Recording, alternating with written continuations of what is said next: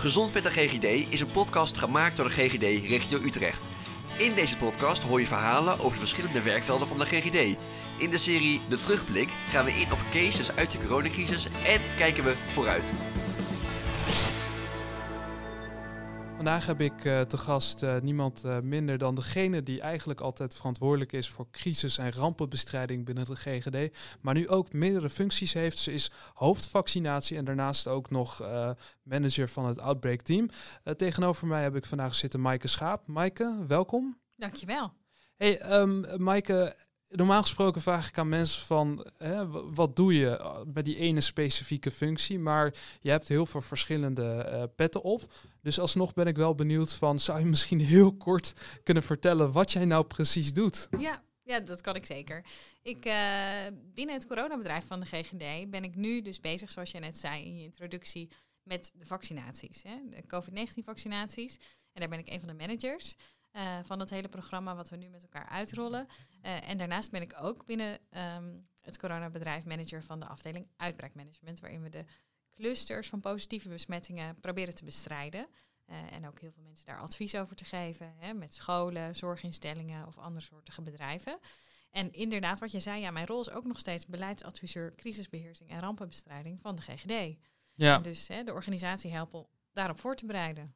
Ja, want uh, ik denk dat dat misschien wel het meest spannende gedeelte is. Hè, voordat we zo meteen veel meer de diepte ingaan op de huidige situatie in de toekomst, is misschien ook wel heel uh, goed om te kijken van hoe, zag jouw rol en jouw werk eruit voor, uh, voor januari 2020 toen corona bekend was in de wereld? Want volgens mij was jij toen alleen maar bezig met crisis- en rampenbestrijding. Ja, klopt. Ja, en dan moet je je voorstellen dat je voor de GGD dus hè, in onze regio vooral veel bezig bent met het maken van plannen. En het zorgen dat de mensen in onze organisatie, ik doe het natuurlijk niet alleen. Mm -hmm. hè, we hebben mensen die op piket staan en die een pieper bij zich dragen. Um, dat al die mensen getraind zijn en opgeleid op de hoogte van de laatste stand van zaken, van de plannen. Um, ook heel belangrijk om juist hè, in mijn functie veel contact te hebben met partners. Dus de partners van de ziekenhuizen, uh, van de veiligheidsregio, mm. alle diensten die ook belangrijk zijn. En um, in die zin zat ik dus heel veel in de voorbereiding en in het netwerk. En af en toe als er dan een incident is of was, uh, ja, dan afhankelijk van mijn rol, of ik zelf die pieper bij me had of dat iemand anders dat deed, um, waren we daarmee aan de slag. Ja. Daarna weer evalueren natuurlijk. Ja. Want, want weet je, als je aan de GGD denkt, dan denk je heel vaak eh, gezondheid, uh, allerlei verschillende uitdagingen. Maar je denkt niet zo snel 1, 2, 3 aan crisis- en rampenbestrijding. Nee, klopt, klopt. Terwijl we wel een wettelijke taak hebben daarin. Ja, hoe, ja. hoe zit dat precies? Ja, nou, het is goed dat je dat vraagt. Um, de GGD heeft dus uh, hè, wettelijk gezien vier taken, vier rollen bij rampen en crisis. En de eerste infectieziektebestrijding kennen we nu allemaal heel goed. Mm -hmm. hè, vanwege corona. Um, maar daarnaast is ook medische milieukunde. Dan moet je meer denken aan gevaarlijke stoffen, de invloed op het milieu, uh, asbest. Uh, Um, nou, wat daar allemaal in kan spelen. Uh, daarnaast de derde is psychosociale hulpverlening, PSH noemen we dat. Um, dat is een hele belangrijke taak waarin je echt uh, voor het, op collectief niveau nadenkt over de zorg en nazorg na rampen en crisis. Uh, ja, voor, dus voor groepen, voor het collectief. En dan hebben we ook nog gezondheidsonderzoek na rampen. Hmm. dus die vier taken um, ja, zijn wettelijk aan de GGD toebedeeld en moeten we dus ook uitvoeren en voor klaarstaan als er een ramp of crisis is. Ja, en, en hoe vaak, hè, want je, je gaf net al aan, er worden mensen getraind, er worden plannen gemaakt. Je bereidt eigenlijk mensen voor op een crisis. Maar wat gebeurt er als jij hè, een pieper bij je hebt en je wordt opeens opgepiept? Wat gebeurt er dan? Kan je ons daarin meenemen? Ja, zeker. Uh, in, kijk, stel dat ik dat heb. Hè, mijn functie heet dan hoofd publieke gezondheid. Uh, als ik die pieper heb en met mijn meer collega's. Als die pieper gaat, dan ga je natuurlijk eerst bel je de meldkamer. Zeg je, wat is er aan de hand? Hè, waarom piep je me? En dan uh, afhankelijk van wat het is, uh, hè, ga je nadenken over, oké, wat voor team heb ik hierbij nodig? Welke onderdelen van de GGD worden hierdoor geraakt? En met wie moet ik dat allemaal afstemmen? Dus dan verzamel je daar een team voor bij elkaar. Um, en uh, stem je af, ga je het beeld vormen met elkaar. En dan ga je echt volgens een crisisstructuur aan de slag.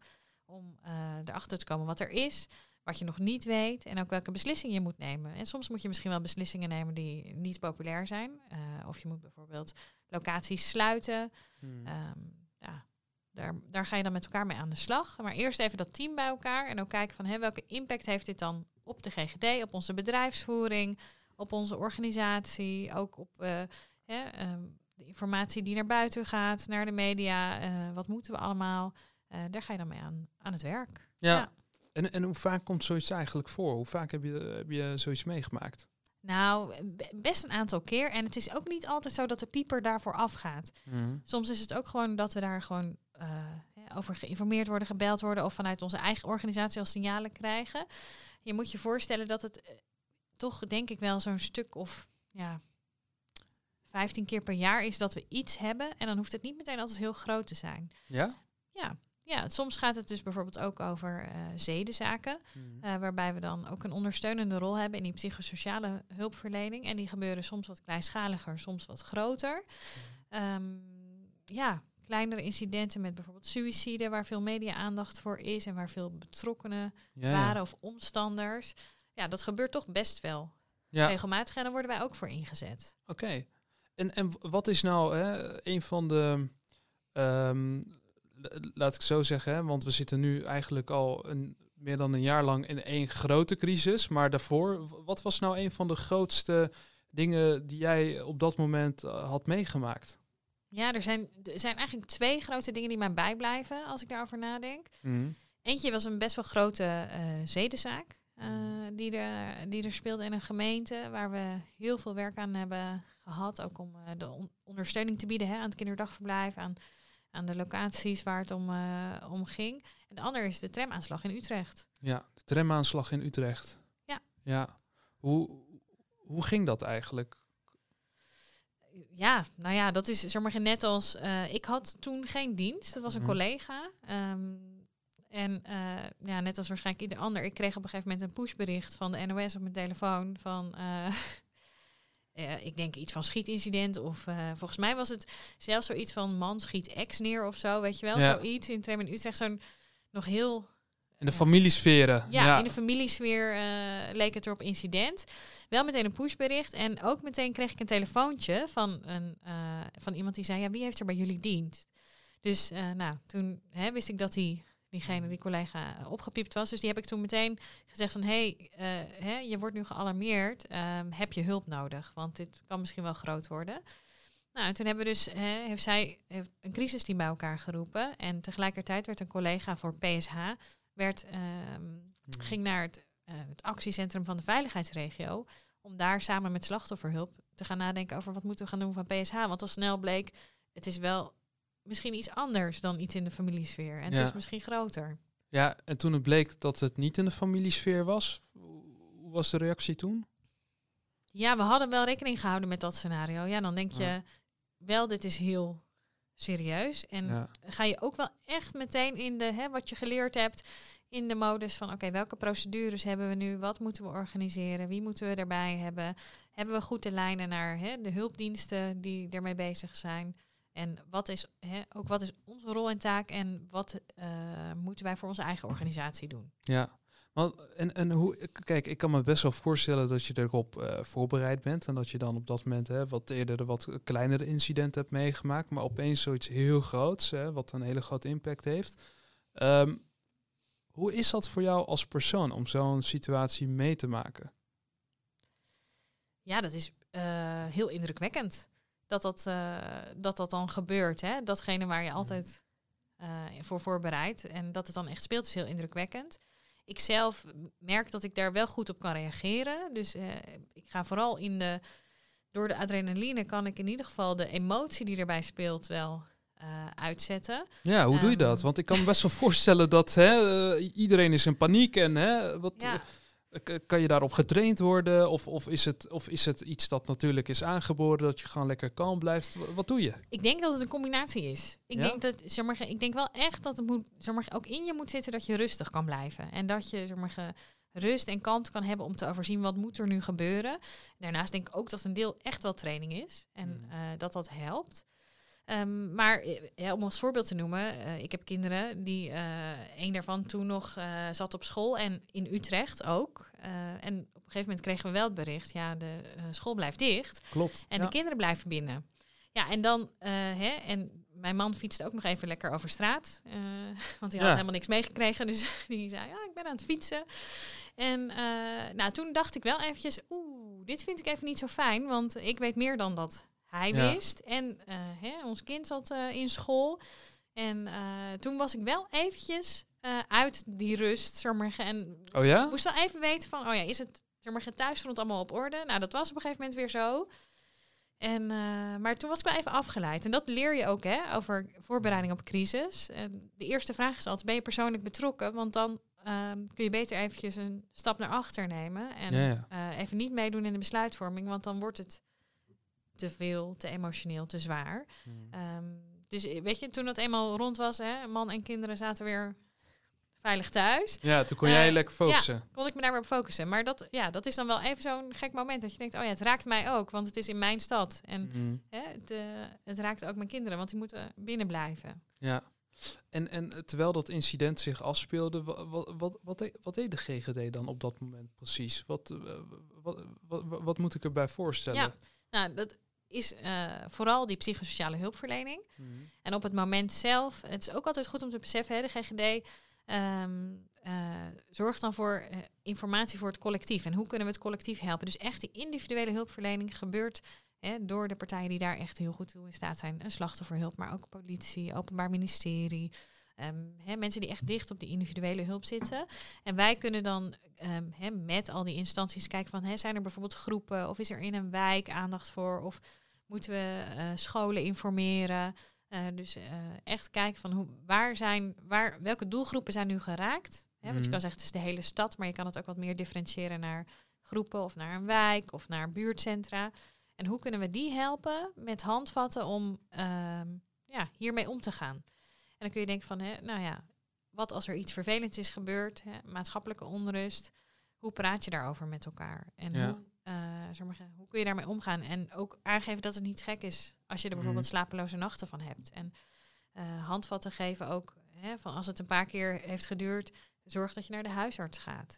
En Ja. zorg dat je daar ehm Want- hulp krijgt. Want, want was er ook die behoefte vanuit omwonenden om, om zeg maar hierover in gesprek te gaan en ook eh, heel, heel eh, ja, om hulp te zoeken? Want ik kan me ook best wel voorstellen dat het op dat moment, als je nog allemaal aan het verwerken bent, dat het super lastig is. Ja, en dat is echt op dat acute moment is het natuurlijk niet dat de GGD er komt met een busje en gaat Ja. zeggen hoe je ermee omgaat. Hè? Ja, ja, ja. Zeg maar, eerst, eerst is de eerste hulpverlening en dan is de GGD echt nog niet in beeld. En hè, zijn er andere processen die echt voorrang hebben en die belangrijk zijn. Eh, maar je moet wel al met elkaar nadenken over van hoe gaan we nu ja, eh, hierna aan de slag. En dan is er inderdaad vanuit verschillende groepen vanuit de wijk is er wel gezegd van nou het helpt ons wel als we daarover kunnen Mhm. spreken. En dan hebben we ook echt hè, professionals vanuit onze organisatie, maar ook vanuit eh, partnerorganisaties die daar met, eh, met ons mee aan de slag gingen. Om te kijken van hoe kun je daar dat gesprek over aangaan met elkaar. En hoe kun je mensen ook laten weten dat er een plek is waar ze terecht kunnen met vragen. Mhm. En, en hoe ziet dat dan eruit? Hè? Wordt er dan een buurthuis opengezet en dat er een aantal artsen of een aantal eh, psychologen eh, langskomen? Wat moet ik er bij voorstellen? Ja, nou, dat is zo op verschillende manieren gegaan. Eigenlijk is Ja. dat natuurlijk eh, afhankelijk van de behoefte die er is. Hè. Kan het open zijn eh, eh, voor gewoon wie wil en dan komen daar, eh, komt daar bijvoorbeeld een psycholoog waar je dat gesprek mee eh, kunt doen. Ehm, we hebben ook een eh, bijeenkomst gehad, juist voor buurtwerkers, zodat die zelf wat handvatten kregen om daar in gesprek over te gaan met mensen uit de wijk. Mhm. Ehm, dus dat is echt heel verschillend Ja. eh, waar de behoefte is. En dan inderdaad mensen waar je gewoon het gesprek mee aan kan. Ja. Ja. Is dit, de, is dit de, de grootste crisis die je wellicht hebt meegemaakt voor de coronacrisis? Zeker. Ja? Ja, voor mij zeker. Ja. En, en met wat voor gevoel kijk je erop terug? Ehm, nou, ik zeg maar gewoon, ja, met wat voor gevoel. Het is natuurlijk gewoon echt iets heel heftigs wat Mhm. gebeurd is. Dus ehm, eh, onder de indruk dat het is gebeurd, ben ik. Ehm, ook hè, met de rol die wij als GGD hebben gehad, samen met heel veel organisaties, hè, hebben daarin ge- eh, gewerkt. Eh, ook voor mij is het iets wat altijd bij me zal blijven als een ervaring die ik heb gehad. Zij het natuurlijk echt wel op een heel ander niveau dan mensen die echt iemand verloren hebben hè, of het Mhm. meegemaakt hebben. Eh, ja, dat het is gebeurd dat we ook echt wel hè, onze bijdrage hebben kunnen en willen leveren eh, om mensen te helpen. Want uiteindelijk is dat natuurlijk wat we willen. Waarvoor ik ook deze rol heb om te zeggen, hè, dit doen we juist als het nodig is. Ehm, ja, Ik denk vooral onder de indruk. En wel iets wat me altijd bij zal blijven. Ja, ja. Wa- Waar ik wel benieuwd naar was, gaandeweg het gesprek ook wel, is hoe ben je eigenlijk ooit eh, in deze rol terechtgekomen? Want ik kan me ook voorstellen dat je niet zomaar, hè, de, meeste mensen die rennen weg van rampen en crisis en dat je niet zomaar wakker wordt en denkt, hé, hey, ik, ik ga rampen en crisis bestrijden bij de GGD. hoe hoe Nee. ben je hierin gerold? Nee, nou, ik ben eh, bestuurskundige. Mhm. Dus ik heb altijd al interesse gehad in de maatschappij en in de samenleving en het besturen eh, daarvan. En eh, ja, gewoon via mijn studie en via mijn baantje als student-assistent voor een hoogleraar die gespecialiseerd is in crisismanagement, eh, kwam ik bij een adviesbureau terecht wat daar eh, zich mee bezig hield. Dus ik ben er gewoon ingerold en ik heb, ik heb het altijd al, ook tijdens mijn studie, interessant gevonden om daarover na te denken en te zien ja, wat gebeurt er dan in de samenleving en hoe, kun, hoe kan je dat oplossen? Hè? Welke methodes en eh, mechanieken werken? En toen ja, ben ik in dat adviesbureau aan de slag gegaan en heb gewoon ontzettend veel organisaties gezien. Eh, hè, van regionaal tot eh, internationaal niveau eh, met crisis bezig Ja. gehouden. En op een gegeven moment dacht ik, nou, ik ga het iets dichter bij huis zoeken. Ik heb ook altijd al interesse gehad in ehm, ja, de zorgsector en crisis. Toch net ook wel weer een bepaalde eh, tak. En toen kwam Ja, ik bij de GGD. Wat, wat trok je eraan? Dat, dat je dacht, nou, dit, dit is wel interessant, dit, dit hele aspect van crisis. Met de zorg ja, met de gerelateerd. Ja, eh, omdat het toch echt wel veel dichter bij de mensen persoonlijk komt. Hè? Dus dat het echt wel om eh, de levensinvloed van mensen gaat, of de levenssfeer van mensen. En eh, kijk, een hele grote elektriciteitsstoring door een cyberaanval is natuurlijk ook heel boeiend en legt Mhm. ook bijvoorbeeld een zorgstelsel plat. Maar ja, is veel groter en veel abstracter. En ik vond juist in de zorg, zeg maar, geraakt het mensenlevens wat duidelijker. Hmm. Voor, althans voor mij. En eh, ook wat duidelijker wat je er dan aan kan doen. Denk ik, welke bijdrage ik zelf daarin kan, eh, kan hebben.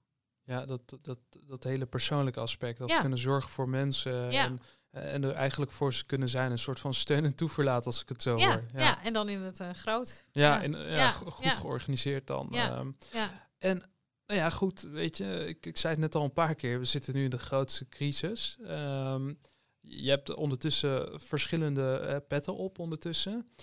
Maar ik, ik ben dan best wel benieuwd, hè, want eh, hè, je, hebt ervoor gestudeerd, je bent ervoor getraind, eh, nationaal, internationaal, best wel wat kiezen meegemaakt. En dan opeens is het januari 2020 en dan breekt dit uit. Het hele coronavirus, het is op dat moment nog niet bekend wat het er precies is. In Nederland waren we toch nog wel een beetje hè, terughoudend, om het maar even zo te zeggen.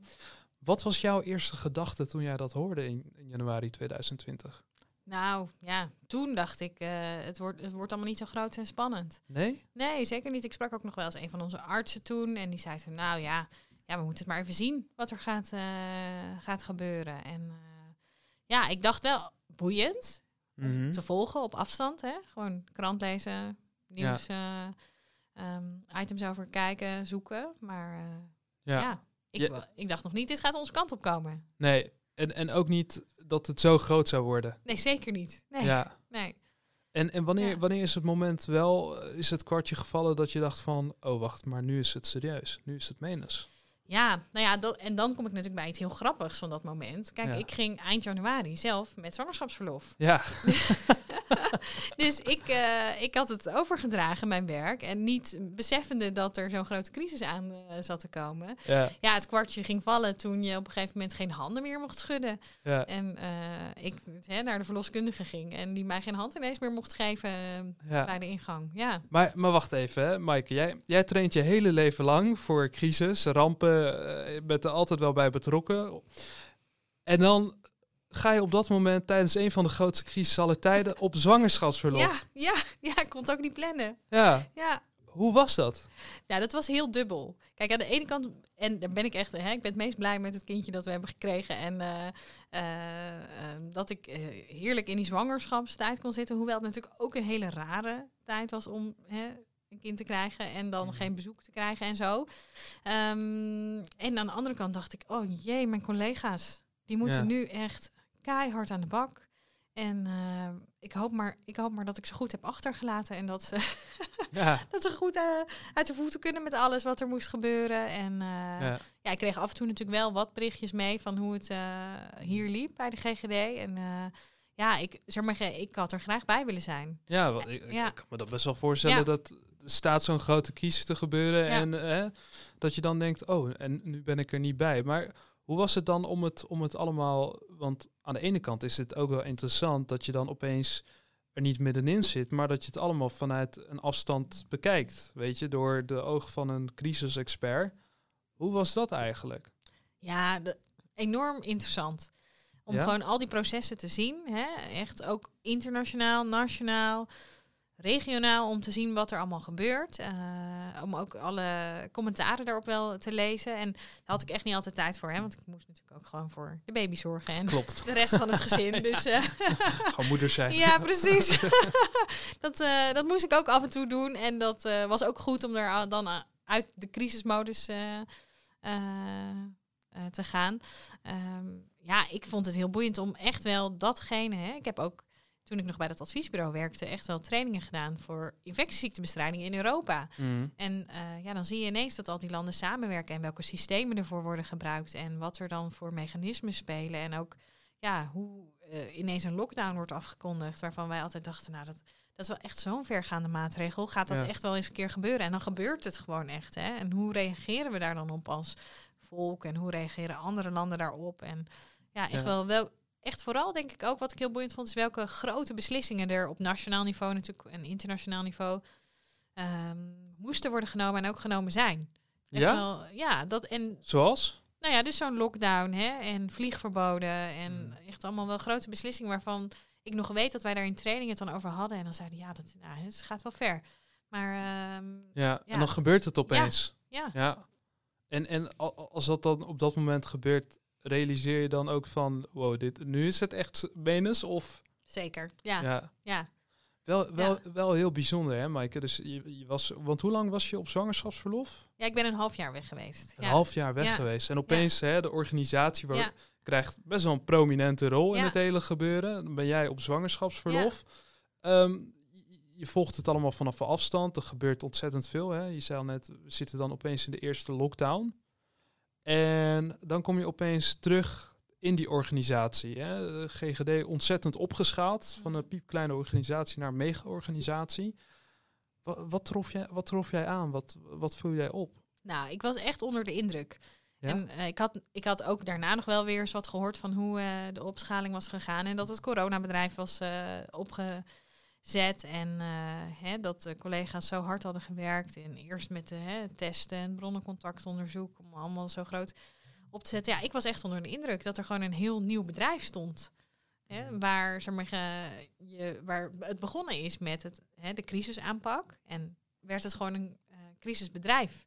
En eh, daar, ja, daar ben ik nog steeds wel van onder de indruk dat dat ja, door, door onze collega's is gelukt. En dat ze dat, eh, dat zo hebben gedaan. En wat ik ook echt wel opvallend vond toen was eh, de enorme motivatie en ja, maatschappelijke betrokkenheid die er was bij alle mensen die er werken. Toen en nu. Eh, Ja, waar, waar- zag je dat aan? Nou, dat mensen zich echt wilden inzetten om de pandemie te bestrijden. En hè, dat er echt een idealisme zat van hè, dit doen we met elkaar. En we hebben dit opgezet omdat we denken dat dat op deze manier goed is. Omdat we op deze manier echt ook hè, dat doel hebben om de kwetsbaren in onze regio te beschermen. Want dat is natuurlijk uiteindelijk waarvoor we dat ook doen. Om zicht te hebben op dat virus. En te zorgen dat de zorg Ja. door kan gaan. Ehm, ja, ik vond, dat vond ik echt wel indrukwekkend. Maar het lijkt me ook wel ergens heel, heel bijzonder dat je dan. eh, hè, jij bent de persoon, om het maar zo te zeggen, hè, voor de coronacrisis, die altijd met crisis- en rampenbestrijding eh, bezig is. En opeens de hele organisatie is er bij wijze van spreken eh, mee bezig. Ja. Eh, wa- Was dat niet af en toe even switchen? Nou ja, ik vind dat heel leuk, want normaal ben je de enige. Ja. En moet je mensen echt zeg maar, overtuigen dat het belangrijk is ja. om je erop voor te bereiden. Ik denk dat ik nu een paar jaar dat niet hoef te doen. Ja. Dat mensen nu wel snappen dat het belangrijk is. Ja. En ehm, ja, dus het switchen, ja, maar ook wel weer heel leuk dat er veel meer mensen interesse in hebben. Oké, dus, dus Ja. je zegt eigenlijk het vak ook wordt ook. Er is meer aandacht voor en het wordt ook serieus genomen. Of Ja, serieuzer zeker. genomen, Ja. om het maar zo te Ja. zeggen. Ja. En, En dan, dan heb je nu bijvoorbeeld, hè, je bent nog steeds eh, bezig op het gebied van crisis- en rampenbestrijding. Maar je hebt opeens dan ook twee nieuwe functies erbij gekregen. Hoe is dat eigenlijk gegaan? Ja, nou ja, ik kwam dus terug van mijn verlof. En toen Ja. moesten we natuurlijk wel gaan kijken van, oh ja, ja wat ga ik dan doen? Hè, want, eh, en ik wilde heel graag, had ik gewoon ook aangegeven, wel in het coronabedrijf werken. Want ik dacht, ja, nu kan ik nog een beetje crisis meepakken. Niet wetende dat het nog zo lang zou gaan duren. Hè? Want dat was natuurlijk elke keer ook de vraag. Dus toen ik eh, terugkwam, had ik daar gewoon met onze directeur een eh, gesprek over. En kwam ook toen, op dat moment, kwam dus die functie voor uitbraakmanagement beschikbaar.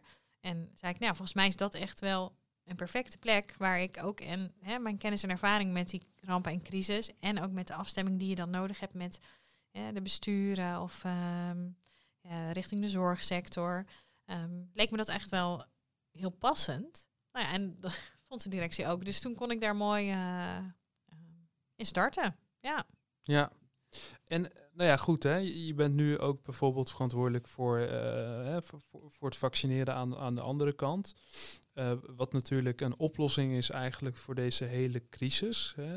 Het is een beetje een, eh, je hoopt natuurlijk dat zoveel mensen gevaccineerd worden, zodat we weer ons ding kunnen doen.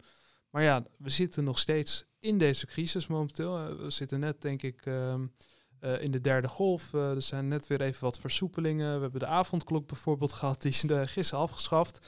Ehm, maar we zitten nog steeds middenin. Hoe, hoe kijk je daar tegenaan, tegen deze hele crisis momenteel? Wat, wat eh, ja, Nou, ik denk dat we nu wel in een lastige fase zitten. lastige fase? Ja, ik denk dat het een lastige fase is. Hè, als GGD zijn we natuurlijk echt vooral uitvoerend. Ehm, en eh, proberen we dat echt zo goed mogelijk te doen. Dus het vaccineren, hè, daar staan we voor heel veel klaar. Juist om te zorgen dat als dadelijk die 2 miljoen vaccins komen voor heel Nederland per week, ja, dan staan wij er klaar voor, weet je. Dus wij willen echt ook hè, met ons, ja, alles wat we doen, eh, zo goed mogelijk dat uitvoeren, zodat we eh, snel een einde hebben aan eh, die pandemie. Tegelijkertijd hè, merk ik ook, zeg maar, in mijn omgeving gewoon persoonlijk, mensen snakken wel echt naar wat verruiming. Mhm. En, en mensen die in de zorg werken zeggen, nee, maar die verruiming is nog niet, Ja. weet je, de, die moeten we nog niet hebben, want de zorg moet echt nog wat ontlast worden. Mhm. En ik denk dat dit nu echt politiek gezien echt wel een lastige fase is. En ik zou niet in de schoenen willen staan nu van, ja. van het kabinet.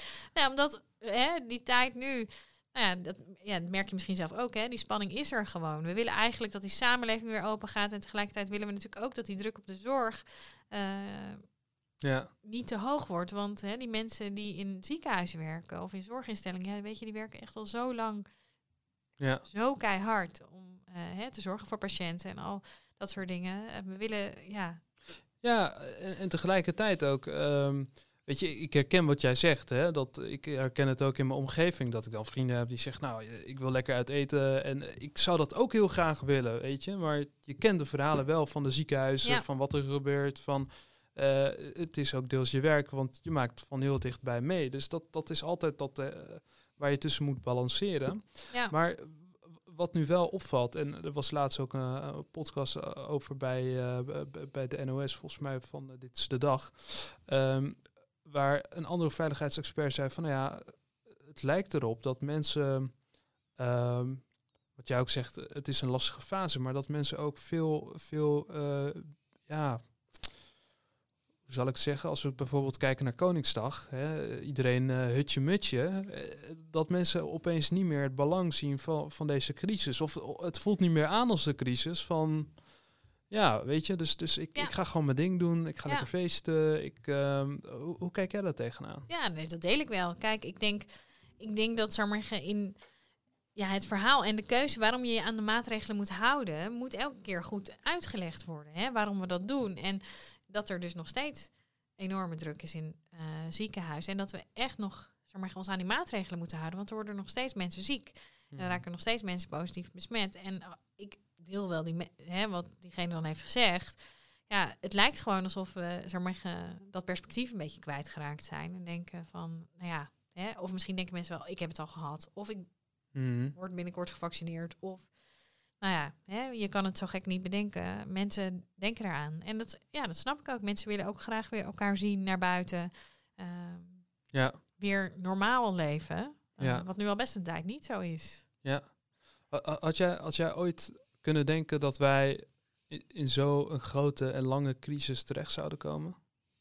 Nou ja, vanuit mijn achtergrond heb ik natuurlijk wel echt heel veel gelezen. Ook heel veel toekomstverkenningen. En scenario denken is natuurlijk altijd Hmm. een scenario. Je weet niet of het werkelijkheid eh, wordt. Maar ja, veel experts, eh, hè, een- pandemie of een ernstige griep, eh, ja, stond dan wel hoog op het lijstje. Ja. Hoe het dan echt zou voelen en hoe het zou zijn om het dan mee te maken, daar had ik echt geen besef van. Ja. En hoe lang het zou duren. Maar eh, ja, als ik hè, terugdenk aan wat ik allemaal gelezen heb en eh, ooit heb besproken en meegemaakt, dan vind ik het niet heel gek dat het is gebeurd. Ja, het is, het is niet gek dat het is gebeurd, maar zou je dan, want, je bereidt je voor, je hebt erop ingelezen en al dat soort zaken. Nou, we zijn nu een hele lange tijd verder. Zou, zou je dan kunnen zeggen van ehm, dat we het goed hebben gedaan? Of deze hele crisisbestrijding, om het maar even zo te zeggen? Of zeg je nou, er zijn echt wel punten voor de toekomst die we misschien anders zouden moeten doen? Zo, dat is een moeilijke vraag. Nou, weet je, zeg maar, er is natuurlijk al heel veel gezegd hè, over Ja. eh, welke dingen beter en eh, anders zouden kunnen. Ik denk in essentie dat we, hè, als ik kijk naar ons als GGD of hè, bestuurders in Nederland, dat er gewoon ook heel veel goed is gegaan. En dat er gewoon heel veel keuzes zijn gemaakt op basis van hè, de kennis die er toen was, eh, die goed waren. Maar natuurlijk zijn er ook altijd punten die beter kunnen. Hè? Eh, traditioneel komt altijd uit een evaluatie de communicatie. Ja, en volgens mij is dat ook nu weer een punt waar je op Mm. zit. Hè? Van hoe breng je de boodschap over? ja, Eh, in een moment waarin dat weer, eh, hè, de context weer anders is Ja. geworden. Dus die crisiscommunicatie blijft altijd Ja. een aandachtspunt en belangrijk. En daarin kun je het bijna nooit ook helemaal goed doen. ja, En het is ook altijd goed om bij evaluaties je te beseffen dat zeg maar, je kijkt terug terwijl je meer kennis hebt van wat er daarna is gebeurd. Uh, Mhm. Maar op dat moment, een jaar geleden, eh, wisten we niet wat we nu wel weten. ja, En eh, heb je, neem je beslissing op basis van ja, informatie van dat moment. En denk ik dat er eh, heel veel goede beslissingen zijn genomen. Ongetwijfeld ook heel veel eh, dingen die anders hadden gekund. Ehm, maar ja, uiteindelijk, eh, er is nog geen code zwart. Nee, oké. Ja, kijk, eh, natuurlijk, hè, achteraf beredeneren hè, en achteraf kijken, hè, dat, dat, Ja. dat kan altijd. Maar wat, wat me wel interessant lijkt, is, eh, je hebt natuurlijk het boekje, om het maar even zo te zeggen, Ja. de, de richtlijnen Ja. en de plannen en de alles. En dan heb je opeens de, eh, de, de realiteit en de praktijk. En, en als je dat naast elkaar zet, zi- zijn er wel dingen waarvan je zegt van, hé, hey, hier heb ik wel echt iets van geleerd, los van dat crisiscommunicatie aspect, maar dit, dit is wel echt heel anders. Dit heeft wel heel anders uitgepakt dan waar we altijd op waren voorbereid, bijvoorbeeld. Nou, ik denk sowieso de duur, hè? Dat, zeg maar, eh, dat wij, zeg maar, ik weet dat wij nog in ons plan hebben. Ja, als je zeg maar, langer dan zes uur werkt, moet je jezelf laten aflossen. Oh ja, dat is. ja, daar zijn we wel voorbij. ja, Voorbij die zes uur. Hè? Dus, eh, dus dat, zeg maar, de schaalgrootte waarin dit is gebeurd en ook wat je daarvoor nodig hebt, dat is echt wel heel anders dan wat we in het boekje hebben. Eh, tegelijkertijd waren er heel veel dingen die dus in die plannen stonden die wel echt gebruikt zijn. ja, En eh, ja, zit je ook na te denken, hè, wanneer komt dan dat moment van evalueren bijvoorbeeld? Hè? Want dat is altijd, hè, als je, kun je, kun je, gaan we dit dadelijk netjes kunnen afronden en zeggen we, oké, dan gaan we nu met elkaar de evaluatie aan en we gaan ja wat denk jij? Denk, denk je dat dat gaat gebeuren? Of, want het is, het duurt, weet je, het is best wel, er is zoveel gebeurd. En, Ja. het, en het is best wel een hele lange crisis, Ja. zoals jij al zegt. Ja, Wat denk jij? nou, ik denk dat, zeg maar, dat het verstandig is om eh, eh, tussentijds te evalueren en gesprekken met elkaar te hebben. En hè, dat hebben wij ook. Eh, dat is ook al geweest nog tijdens mijn verlof, hè, dat er naar gekeken is, teruggekeken. Dus sowieso verstandig, omdat het zo lang duurt dat je iets vaker eh, terugkijkt dan helemaal aan het einde. Ehm, en er zullen ongetwijfeld nog heel veel evaluaties gaan volgen op alle eh, niveaus. En ja, ik, ik denk, ik weet het niet. Of, of we er ooit een keer kunnen zeggen, nou we doen er een strik om en het dossier coronapandemie Ja. eh, Ja, gaat in de kast. ja. Ehm, ja, ik, ik denk het nu nog niet, maar eh, Ja, is lastig te zeggen hoor. Ja. Dat, dat is wel. En als jij nu, dan ben ik wel benieuwd naar. Hè? Als je dan, ehm, hè, we zitten er nog steeds eigenlijk middenin, maar als, als je dan nu een jaar, gel- een jaar geleden terug zou zijn met alle kennis en, en, en info die we nu hebben, wat zou jij de Maaike dan eh, toen hebben geadviseerd? voor januari 2020. Wetende dat dit allemaal zou komen. En wetende dat jij hè, op dat moment al voorbereid en helemaal getraind zou worden. Wat, als je één advies mocht geven, wat, zou- wat zou je dan zeggen? Ja, nee. Ja, jongen, dat is een moeilijke. Eén Ja. advies. Het is wel de terugblik, hè, Maaike? Ja. nou, ik zou zeggen, we- zorg, zorg echt dat zeg maar, alle belangrijkste rollen goed zijn voorbereid in je organisatie. En hoe, hoe ziet dat dan precies eruit? Alle, alle rollen goed voorbereid? Wat, wat bedoel Ja. je daarmee? Daar bedoel ik mee dat zeg maar, iedereen, alle functies eigenlijk, waarvan wij zeggen hè, als GGD, die moeten een rol hebben in het crisisteam. Of je nou ondersteuner bent of eh, voorzitter. Ehm, en alle rollen die erin zitten, zorg dat iedereen op de hoogte is van wat er moet gebeuren. Ja. En ehm, dat denk ik. Ja. Oké. Ja. En, en, en wat heb jij hier zelf persoonlijk uitgeleerd van deze hele crisis, als je daar nu op terugkijkt? Eh, Ik bedoel, weet je, we zijn ook maar mensen die eh, in deze crisis belanden en er gebeurt van alles en nog. Wat, wat was voor jou echt een eye-opener geweest of een punt waarvan je dacht, nou, dit, dit, ehm, dit heeft deze crisis me wel echt geleerd? Nou, ik zeg maar, eh, begon natuurlijk de crisis gewoon eh, met de komst van een klein eh, babytje. En Ja. heb toen heel erg het perspectief gehad van, oh ja, oké, ik kan het ook gewoon aan met mijn gezin samen. Hè? Wij,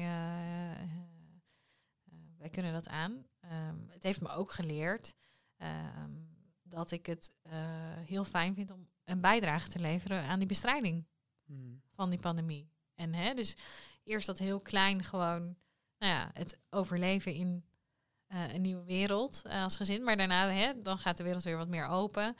Ehm, eh, toch echt wel, zeg maar, hoe fijn ik het vind om mijn bijdrage te leveren. En om Mhm. echt te kunnen zeggen, ja, hè, we moeten hier met elkaar doorheen. En laat, mij maar, laat mij maar daar een van de trekkers van zijn. Ja. En eh, samen al die mensen meenemen om te zorgen dat we, dat we dit kunnen doen. Dus dat, het heeft me wel geleerd dat ik, zeg maar, hè, dat ik in die zin op een goede plek zat en eh, zit. Dat dit, een, dat dit een plek is waar ik eh, energie van krijg. Waar ik ook rustig in kan blijven en Ja. een bijdrage in kan leveren. Ja. Ja, helemaal, helemaal in juiste vaarwater, om het maar zo te zeggen. En tot slot, eh, Maaike, wat, wat hoop je voor de toekomst? We, zitten nog middenin. Hè? We zijn nu momenteel bezig met vaccineren. Hopen dat dat. eh, maar wat hoop jij voor de toekomst? Nou, ik hoop echt dat eh, we die pandemie gewoon kunnen bestrijden. En dat we dus in die zin alle mensen kunnen vaccineren die gevaccineerd willen worden. Dat we dat lekker snel kunnen doen. En dan hoop ik ook dat we met elkaar als samenleving eh, ja, weer wat meer open kunnen. Dat, dat ik mijn familie en vrienden gewoon weer kan knuffelen. Eh, dat we eh, elkaar weer kunnen ontmoeten op verschillende plekken. Dat we niet mensschuw worden. Dat we denken, jongen, wat is het hier druk. Als je ergens op een terras zit of zo. Ehm, ja, dat we dat wel weer, die openheid wel weer eh, terug, kunnen krijgen. Hè? Dat is wel echt mijn hoop eh, voor de toekomst. En ik hoop ook dat we ervan geleerd hebben als mensen. Hè? Zeg maar, Mhm. wat, eh, ja, wat hebben we nu niet gedaan, wat we willen behouden. Eh, en hoe kunnen we met elkaar goed voor, ja, toch voor de wereld en voor elkaar blijven zorgen. Ja. Hoe kunnen we goed voor de wereld zorgen? En laten we dat vooral vasthouden. Maaike, Ja. ik wens je heel veel succes en ook heel veel sterkte. Zet hem op. En eh ja, dankjewel. En eh, dit was hem alweer voor vandaag, de terugblik. Volg ons op onze social media kanalen Facebook, Twitter, Instagram en LinkedIn. En reageer met de hashtag GGDRU.